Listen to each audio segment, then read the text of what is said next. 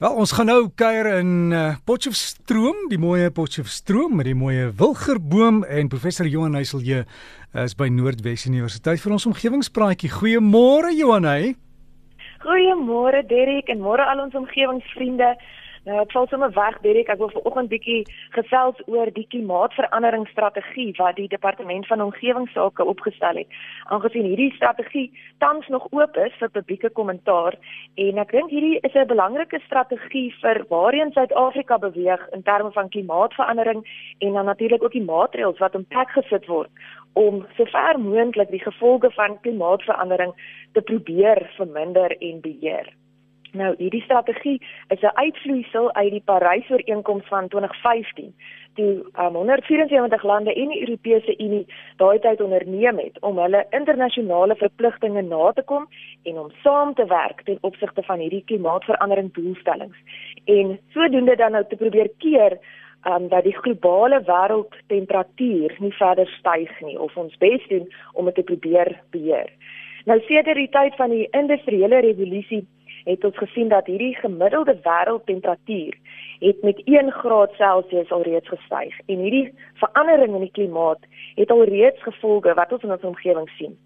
En baie duidelike waarskuwings van die wetenskap se kant af nou oor die gevolge wat gaan toeneem wanneer ons die 2 grade Celsius merk bereik. So volgens 'n verslag van die VN wanneer die temperatuur toeneem tot die 2 grade Celsius merk, gaan ons basies 'n gruwelskou van hittegolwe sien, tesame met baie meer natuurrampe en oorstromings en droogtes en 'n ekologie wat so versteur sal wees dat daaglikse lewe basies ondraaglik sal wees. So die doelwit is nou basies gestel om hierdie stygings van wêreldtemperatuur te probeer beperk tot 1.5 grade en als in ons vermoë doen om dan nou nie hierdie 2 grade merk te bereik nie. En Dirk het weer dit klink miskien asof um, 0.5 grade Celsius is maar 'n klein verskil, maar hierdie verslag van die VN wys dat hierdie 0.5 grade presies nou die verskil kan wees tussen hitteverwante sterftes wat sal toeneem en voedselsekuriteit wat bedreig sal word en selfs waterskaarstes wat met 50% sal toeneem. Um ook wat kan veroorsaak dat 50% van plante en insekte hulle habitatte verloor. En as mens nou dink, destyds met die ystydperk um toe dit basies in volle gang was, was daar 'n yslaag van 2 km oor die noordelike vastelande.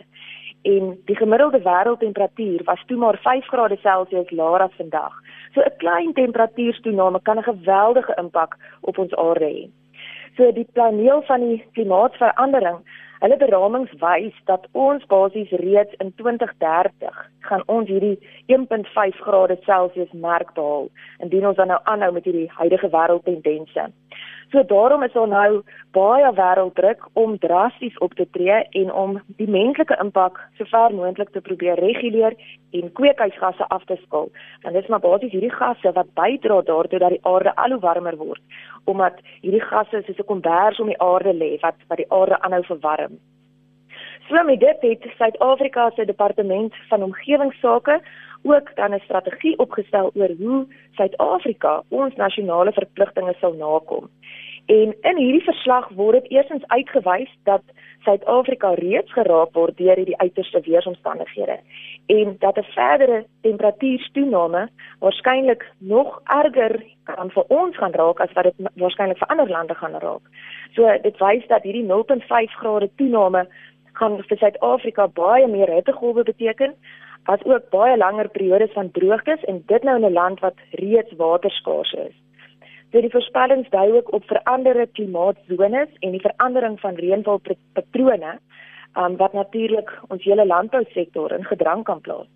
En dan saam met hierdie warmer dae en die meer hittegolwe kan ook goed soos asma en allergieë toeneem en kan siektes wat spesifiek tot Suider-Afrika is, dis nou soos malaria of kolera kan ook weer floreer.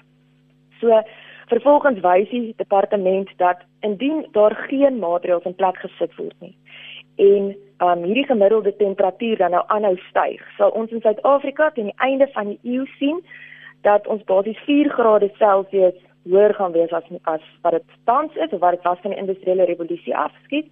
Maar dan in die westelike en die sentrale en die noordelike binneland kan dit tot 6 grade hoër wees. En hierdie gaan natuurlik vir ons ongekende gevolge beteken. Hm. So daarom ja, daarom het die strategie toe nou 73 verskillende aksies uiteengesit.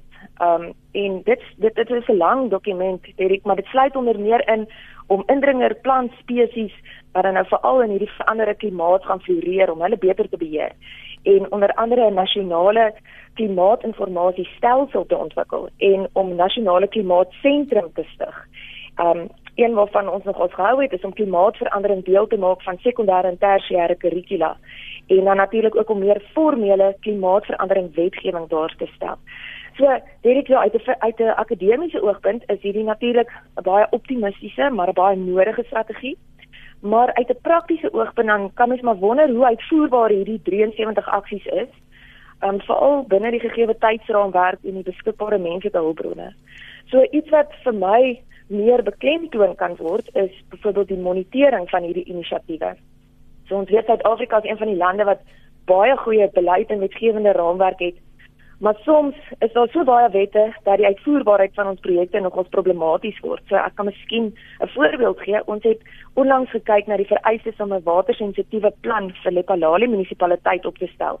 En ons was eintlik geskok om te besef dat so 'n plan met 91 verskillende wetgewing en beleide moet belyn om dan nou te kan realiseer. So die vraag is nou of hierdie nuwe strategie en dan nou die uiteindelike wetgewing waarna gestreef word of dit implementeerbaar en meetbaar gaan wees. En ek dink miskien die belangrikste wat wat almal oor wonder is wat die gevolge gaan wees indien hierdie vereistes nie toegepas gaan word deur besighede of maatskappye of ons owerhede nie. Maar ek dink Derek vanoggend moet ons die voordeel van die twyfel gee en en ek wil dit graag met 'n groen gedagte doen en sê dit is dis goeie nuus dat Suid-Afrika se internasionale verpligtinge probeer nakom en hierdie is ons 'n stap in die regte rigting en die omgewing word hierdeur beter geprioritiseer. So dis goeie nuus. En um, ek gaan ook dan graag hierdie besonderhede van hierdie strategie deel op ons Facebookblad en ek sal ook die kontak besonderhede daar deel indien enige van ons omgewingsvriende kommentaar wil lewer aan die departement van omgewingsake. So ek dink klimaatsverandering is iets wat wat elkeen van ons op die ouend raak en in die toekoms nog meer gaan raak. So ons moet ook maar ons deel doen en betrokke begin raak in hierdie gesprekke rondom klimaatsverandering. So gesels Johan Nysel hier van Noordwes Universiteit en dis mense en vulkane wat al hierdie goed veroorsaak. So ja, hou maar die toekoms beter en groen en maak 'n verskil. So kontak maak e-posadres is omgewingspraatjies, meervoud omgewingspraatjies by gmail.com